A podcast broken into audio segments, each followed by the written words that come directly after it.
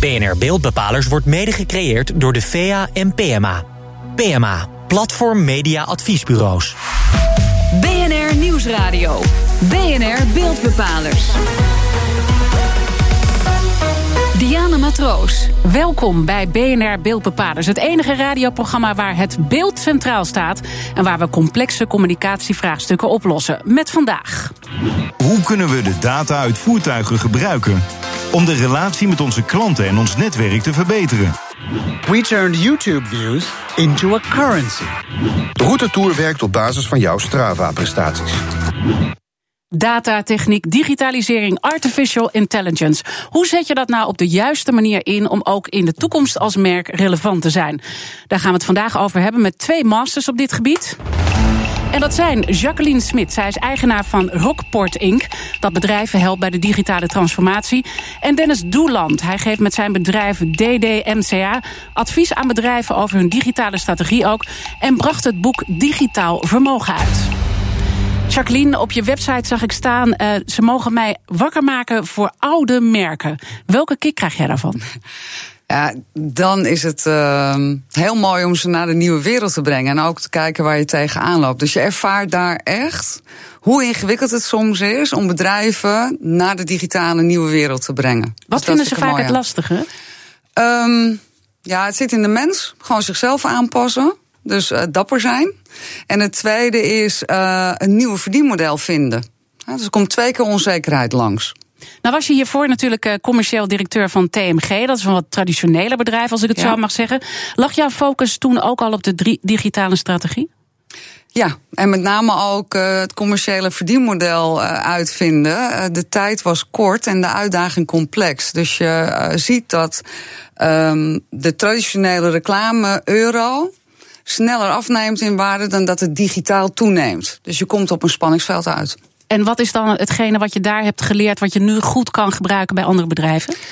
Um, nou, sowieso dat je heel veel moet proberen. Dus meerdere kansen proberen te benutten. En dat goed uh, de data loggen, dat je weet wat je aan het doen bent.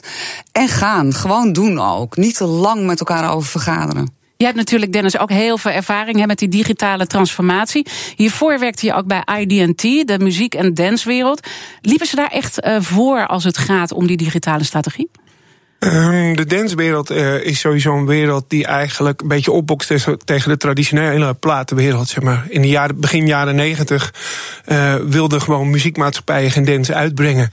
En dat leidde eigenlijk toe dat wij gewoon letterlijk zelf meet waren en, en, en, en steeds maar uitvinden uiteindelijk ja, hoe we onze muziek aan de man konden brengen. En dat is eigenlijk die mentaliteit die je nodig hebt, die Jacqueline net schetste, wat vaak ontbreekt. Zie jij dat ja, ook het is, nu? Het is de totale mindset eigenlijk. Uh, uh, dus het angst voor het onbekende overboord gooien en gaan uh, ja, voor het, het nieuwe.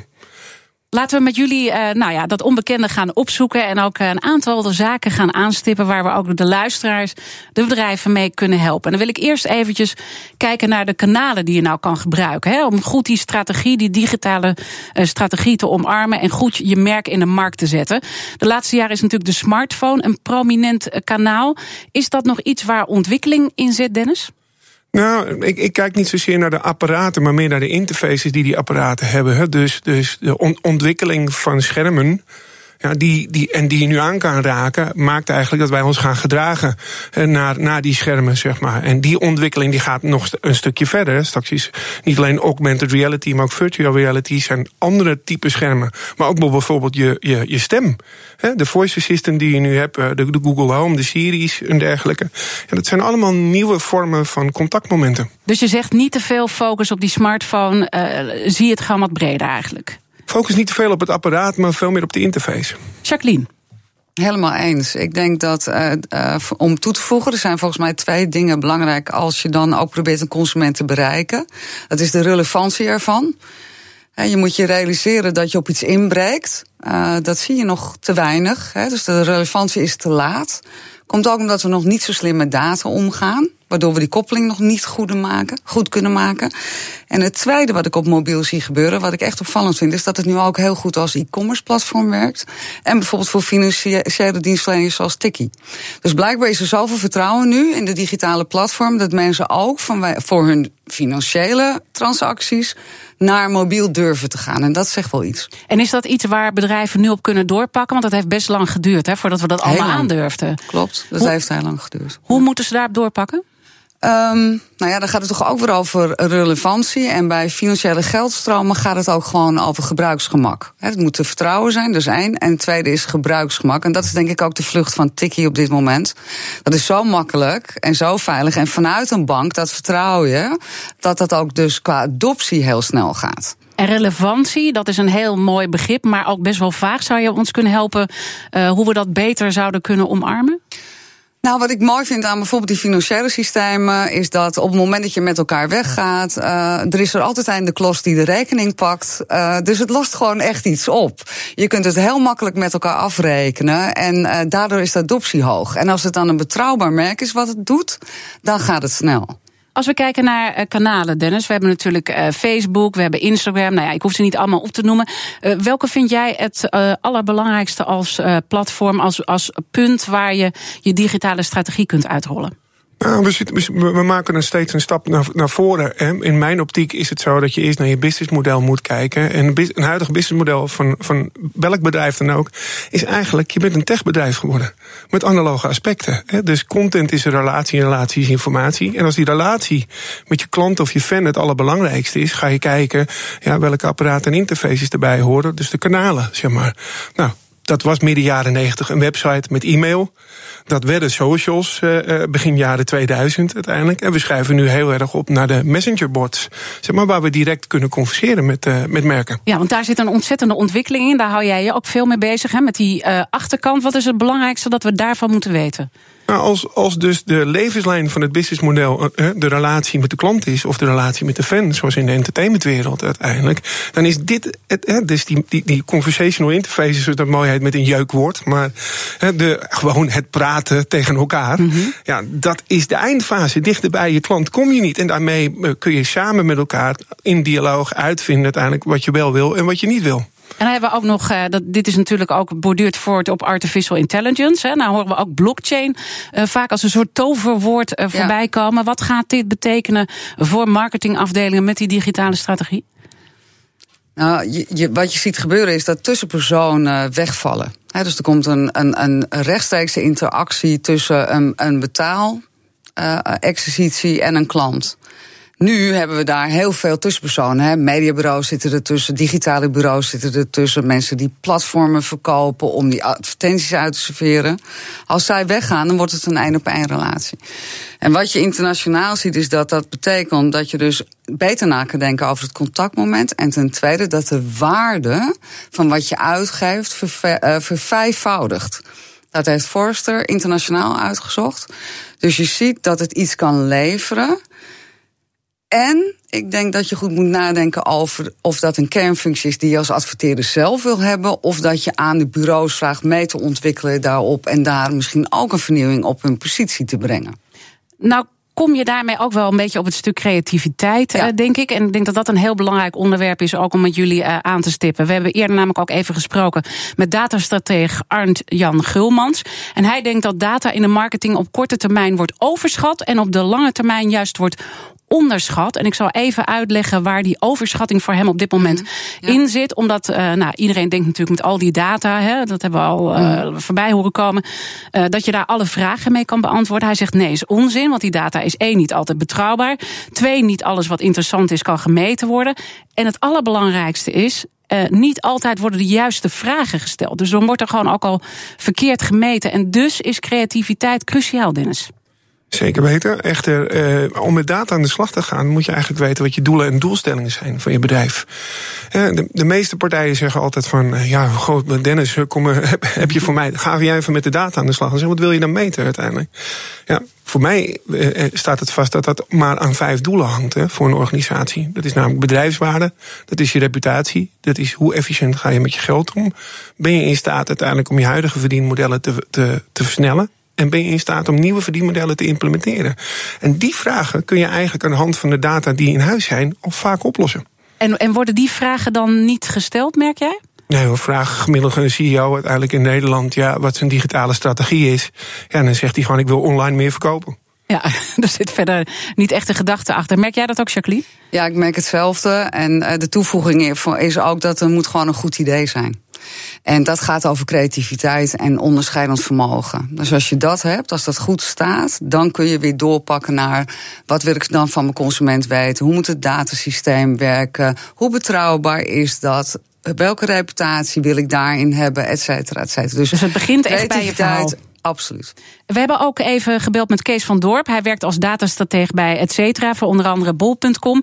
En dit is wat hij zei. Door het gebruik van data wordt de grens tussen mensen naar de mond praten met gerichte boodschappen. Kijk maar naar de Trump of de Brexit. Waar je als afstemmer echt voor staat steeds onduidelijker. Ik denk dat we het vertrouwen van de consument kwijtraken doordat het steeds onduidelijker is wie je bent en waar je voor staat als merk. Ja, eigenlijk eh, zegt hij ook, uh, Kees van Dorp, dus let op dat je niet alleen vanuit data denkt, want dan ga je ook mensen voorschotelen wat ze willen horen, maar dan verlies je eigenlijk je eigen identiteit. Is dat ook waar je net op doelde, met dat je echt bij dat eigen verhaal moet blijven? Ja, je moet iets onlosmakelijks kunnen claimen. Uh, en dat vergt creativiteit. En hij heeft heel erg gelijk. Als je dat via data probeert te doen, heb je geen gezicht. En dat datastuk, en dat zie je ook alle discussies gaan over vertrouwen en privacy. Dat betekent dat je als merk een gezicht moet hebben en een connectie. Over die privacy gesproken, uh, dat is natuurlijk een heel belangrijk uh, punt. Want 25 mei, dan gaat die nieuwe wet officieel in. Er zou veel over gesproken. Maar denken jullie dat het duidelijk is wat dit precies voor de sector gaat betekenen, Dennis? Nou, ik denk dat menig bedrijf zich nog wel op het moment achter de oren aan het krabben is. Wat, wat, wat, wat het betekent. Ja, ik zeg altijd: als je het niet op orde hebt op, eh, op 25 mei, ja, dan kan het wel zo zijn dat je data nooit meer bruikbaar is. Dus, dus ja, ga snel aan de gang. Jacqueline?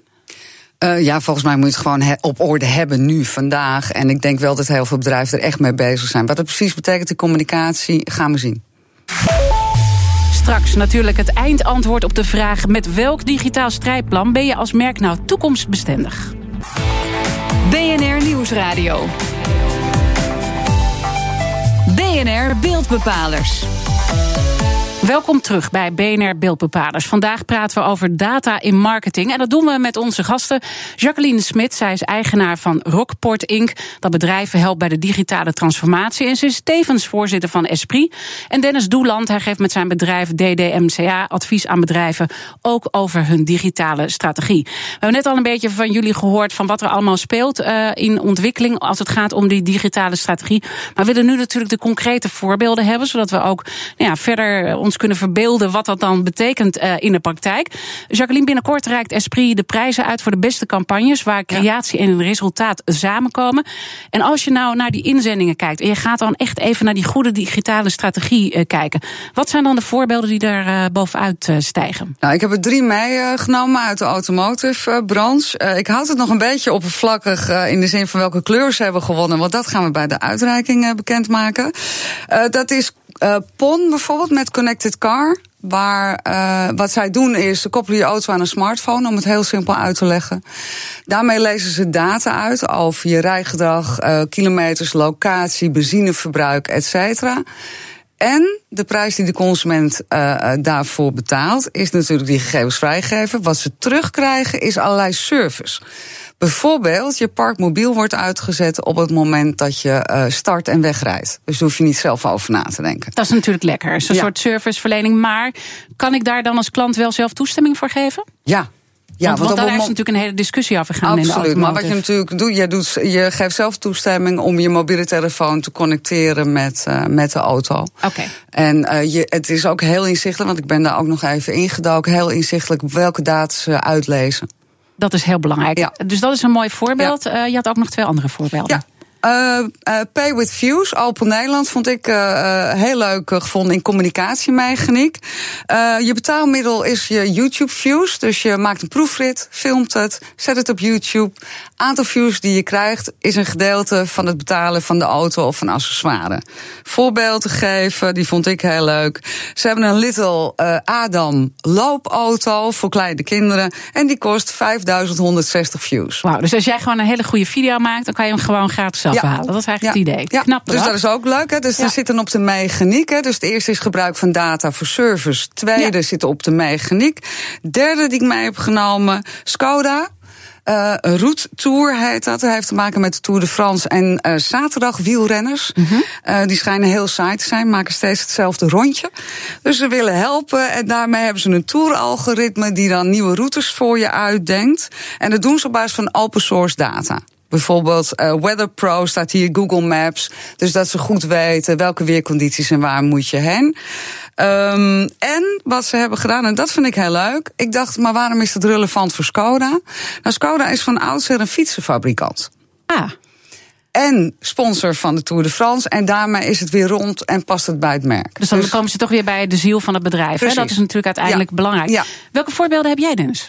Het zijn niet zozeer campagne-dingen uh, uh, die ik bekeken heb, maar veel meer bedrijven die echt de, de goede route aan het lopen zijn. En ik vind KLM wel, ons Nederlands trots, gewoon een bedrijf dat ja, vooral ja, zijn digitale strategie wel op orde heeft. Want ze zetten in op innovatie en dat doen ze eigenlijk bijna blind nu tegenwoordig. Tegen ja, ieders weten eh, in. ze zijn bezig waar de klanten zijn, hè, met, een, met een apps bijvoorbeeld en een uh, bot nu. En ze hebben tegenwoordig ook een impact. Chatbot, ja, de chatbot. En ze hebben tegenwoordig ook een Impact Assistant uiteindelijk. Via die uh, de Alexa's en de, de Google Home straks uh, beschikbaar zijn. Ja, ze zijn niet alleen bezig, met de digitalisering van de organisatie. Maar ze zijn ook mensen uiteindelijk aan het helpen om te transformeren met een mindset, zeg maar. ze durfden opnieuw te beginnen. Zeg maar. En ze streven uiteindelijk om hun klanten echt goed te kennen. En als je dat bijvoorbeeld wel eens vergelijkt uiteindelijk, als je een reisje gemaakt hebt en je hebt een boeking gedaan bij booking.com en je krijgt dan die verschillende berichten, je bent met KLM ben je geweest, dan krijg je hele andere berichten van KLM als booking.com. Die van KLM zijn namelijk veel leuker. Ah. Ja. Dus een ander voorbeeld is eigenlijk wat, een wat kleiner uh, voorbeeld. Het is uh, NRC, zeg maar. Uh, die heeft met, de, met de jongens die daar de data-analyse deden, van Leeuwen en van de Peppel, die hebben een boekje geschreven, De Relatie-economie. En die gingen uiteindelijk iets heel simpels doen. Die zeiden namelijk uiteindelijk van oké, okay, wacht eens even, de, de proefabonnementen die wij hebben, ja, daar hebben we veel te veel kosten op. Ja, kunnen we nou ervoor zorgen dat als we de relatie aangaan met deze mensen, uiteindelijk die proefabonnementen niet opgezegd werden. Mm -hmm. 50% van de proefabonnementen werden niet opgezegd. Kijk, dus dat zijn uh, allemaal dingetjes die uh, werken in de praktijk. Als ik nu jullie voorbeelden zo uh, samenpak, wat is dan wat zij goed doen en wat andere bedrijven lastig vinden, Jacqueline? Um, nou, ik heb drie verschillende voorbeelden meegenomen, omdat je dan ongeveer ziet wat je met data zou kunnen doen. Dus het is A, mensen makkelijker bereiken via digitale platformen, of het nou YouTube is of een ander. Uh, relevant zijn omdat je vanuit het idee denkt. Dat ja. kunnen ze ermee, want ze kunnen dat toetsen. Je kunt veel beter meten dan voorheen of het wel of niet beklijft, je creatieve uiting. Doen heel veel adverteerders ook. Verschillende uitingen en dan meten en kijken wat het beste werkt. Dus dat is goed. En je kunt relevanter zijn. Want iedereen kent het voorbeeld. Je probeert één keer iets te boeken in Stockholm. Nou, dat ga je nog drie maanden weten, want dat krijg je continu nog uitgeserveerd. Dus de relevantie daarvan is laag. En dan komen we nu tot de eindconclusie. Het is aan jullie als masters om je expertise te laten spreken. Wat is jullie eindadvies? Met welk digitaal strijdplan ben je als merk nou toekomstbestendig, Dennis? Ja, heroverweeg je businessstrategie, zeg maar. Dat is, dat is letterlijk waar het om, waar het om gaat. Hè. Dus, dus erken dat je businessmodel radicaal gewijzigd is. En probeer op vijf doelen te sturen. Op bedrijfswaarde, reputatie, op de efficiëntie van je communicatie en je verkoop, op het versnellen van in bestaande verdienmodellen en het implementeren van nieuwe verdienmodellen. Maar het allerbelangrijkste is volgens mij wat jij zegt, die directe Verbinding relatie met, de klant, ja. met je klant. En als je dan een advies zou geven aan bedrijven, wat zouden de meeste bedrijven morgen anders moeten doen? Onderzoek eerst je database aan klanten die je nu hebt, uiteindelijk, want misschien zit je wel tegen de verkeerde te praten. Gebeurt dat vaak dat ze een soort gewenste klant voor ogen hebben en dat dat niet de klant is die ze daadwerkelijk hebben? Absoluut. Elke marketeer heeft een droomklant, dat is de gewenste klant. Maar kijk goed in je database naar de klanten die je nu bedient. Jacqueline? Uh, ja, mijn tip is: um, doe kennis op. Uh, en inspiratie. Bijvoorbeeld Esprit heeft heel veel cases. Kijk daar wat de goede voorbeelden zijn. Luister niet te veel naar goeroes, want die weten het ook niet. En bijvoorbeeld de DDMA uh, maakt zich druk over data en marketing en het gebruik daarvan. Heeft ook heel veel onderzoek en kennis op dat gebied. Lees je ook een beetje in en uh, bepaal je eigen beeld. Wat zij volgens mij ook zeggen is dat de rol van de marketeer ook heel erg moet veranderen. Dus dat je de marketeer veel beter met de dataspecialist moet laten werken en dat er mentaliteitsverandering nodig is. Ja, en dan heeft een, een, een marketeer een regiefunctie. Maar wat ik dan wel daarbij wil zeggen, het betekent niet dat de specialisten hun problemen bij de marketeer kunnen neerleggen. Dus kom dan wel als specialist met oplossingen. Denken jullie dat er veel omzet blijft liggen doordat dit toch nog niet voldoende van de grond komt binnen bedrijven? De digitale strategie? Zeker. En, en dat gaat of over het rendement, hè, omdat je efficiënter je geld uitgeeft en meer opbrengst hebt. Dus uiteindelijk levert dat ook op. En als je relevant bent, kopen mensen je. Dus twee keer ja.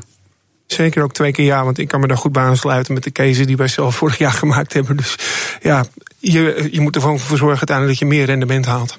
Duidelijk. De beeldbepaler van de week. Ja, tijd voor de beeldbepaler van de week. En daarvoor is aangeschoven redacteur Carlijn Meinders. Wat viel jou op deze week? Ja, we hebben het nu een hele uitzending over data gehad. Privacy kwam al even voorbij. Met het online bewaren van zoveel gegevens komt ook het gevaar dat het in de verkeerde handen valt natuurlijk. Dat zagen we gisteren alweer even voorbij komen toen John van den Heuvel, vlogger Laura Ponticorvo, hielp om de hacker op te sporen die haar privéfoto's en filmpjes openbaar maakte. Dat is natuurlijk heel vervelend. Ze is niet het enige slachtoffer. Er zijn heel veel bekende mensen geweest, maar veel dichter bij huis een heel vaak porno-netwerk aan het licht gekomen. Niet alles is, is in de openbaarheid, maar het gevaar is er wel dat dat gebeurt. Uh, en daarom mijn vraag aan onze gasten naar aanleiding daarvan. Uh, als we kijken naar consumentendata, dus niet dat, dat zijn soms hele gevoelige privégegevens, soms hele basic gegevens. Um, hoort de verantwoordelijkheid voor de veiligheid van die gegevens allereerst bij de, de afzender te liggen? Of is het meer aan de ontvanger? Ik denk aan allebei. Uh, de ontvanger uh, uh, moet werken echt aan het bewust worden van wat geef ik weg en is dat goed beveiligd en werk ik met de juiste systemen zodat het goed beveiligd is. Mobiele telefoon, je laptop, nou goed, alles wat je gebruikt. En bedrijven hebben een verantwoordelijkheid, vind ik, om gewoon goed ervoor te zorgen dat de diensten die ze aanbieden veilig zijn en geen datalekken kennen. Maar dus ik zou als, zeggen allebei. Maar kan je als consument wel echt dit allemaal... want ik zat ook te denken hè, naar zo'n aanleiding... Wat, wat, moet ik eigenlijk allemaal doen? Hè? Dat is toch de eerste zaken die bij je opkomen... dat je het niet goed weet. Nee, je weet het niet goed. Dan zou ik zeggen, voorkomen is beter dan genezen. Dus wees je gewoon bewust van wat je post. En of dat wel of niet wenselijk is. Als dat... Maar de ontwikkelingen gaan zo snel. Hè? Kan je je echt als consument hier wel tegen beveiligen? Ja, Nooit helemaal. Ik, ik heb ooit bij Microsoft gewerkt en daar zeiden we toen de tijd met de MSN bijvoorbeeld wel eens van ja, als jij je sleutel in je voordeur laat zitten, is er de kans groot dat er wordt dat ingebroken. Nee. Dus op het moment dat je kunt het zo goed mogelijk klaarzetten, dan moet er wetgeving zijn dat bedrijven genoodzaakt zijn dat goed te regelen, die beveiliging. Dennis. Het is, een, het is een illusie uiteindelijk om te denken dat, er, dat je gegevens nooit misbruikt zullen of gaan worden uiteindelijk. Eh, je ziet aan de, aan de, aan de lopende band nou eenmaal ja, dat gewoon hackers proberen dan wel goed schiks, dan wel kwaad schiks om te bewijzen uiteindelijk dat systemen lek zijn. Wees je dus van bewust, ondanks dat bedrijven misschien wel ja, via de GDPR allemaal straks uh, beloven van we doen het allemaal hartstikke goed en we geven het terug enzovoort enzovoort. En ook omdat jij jezelf bewust bent wat je allemaal weggeeft onthoud gewoon nou eenmaal ja, dat mensen toch proberen daar gebruik van te maken. Maar in ieder geval stopief zijn, eh, denk ik. Carlijn, wat vind jij? Ja, ja los die, ik was benieuwd, los die privacywet vanaf 25 mei gaat die echt in. Uh, lost die hierin nog wat op? Of belemmert die? Meer nou ja, daarin staat uh, letterlijk dat bedrijven zelf verantwoordelijk zijn voor het dichten van datalekken. En in die zin zal het helpen, maar het is nooit waterdicht. De verantwoordelijkheden worden geregeld uiteindelijk in die, in die wet. Echter, ja, je eigen bewustwording. Plus het feit nou eenmaal dat, ja, we hebben sinds jaren dag hebben we sloten op de deur. Ja. Ga er wat aan doen, gaat regelen. Gaat regelen, ja. ja. Maar ik kan me ook voorstellen dat er nu makkelijker ook rechtszaken gevoerd kunnen worden door consumenten, omdat die wetgeving natuurlijk uh, van kracht gaat. Het, is, het zit er alweer op. Uh, dankjewel, Carlijn Meijners. Dank ook aan mijn gasten Jacqueline Smit en Dennis Doeland. Want dat was hem voor vandaag alweer. Reageren kan op Twitter, LinkedIn en Instagram. En natuurlijk is de hele uitzending ook terug te luisteren als podcast in iTunes en Spotify. Tot volgende week in BNR Beeldbepalers, het enige radioprogramma waar het beeld centraal staat. BNR Beeldbepalers wordt mede gecreëerd door PMA en de VEA. VEA, de Vereniging van Toonaangevende Communicatie Adviesbureaus.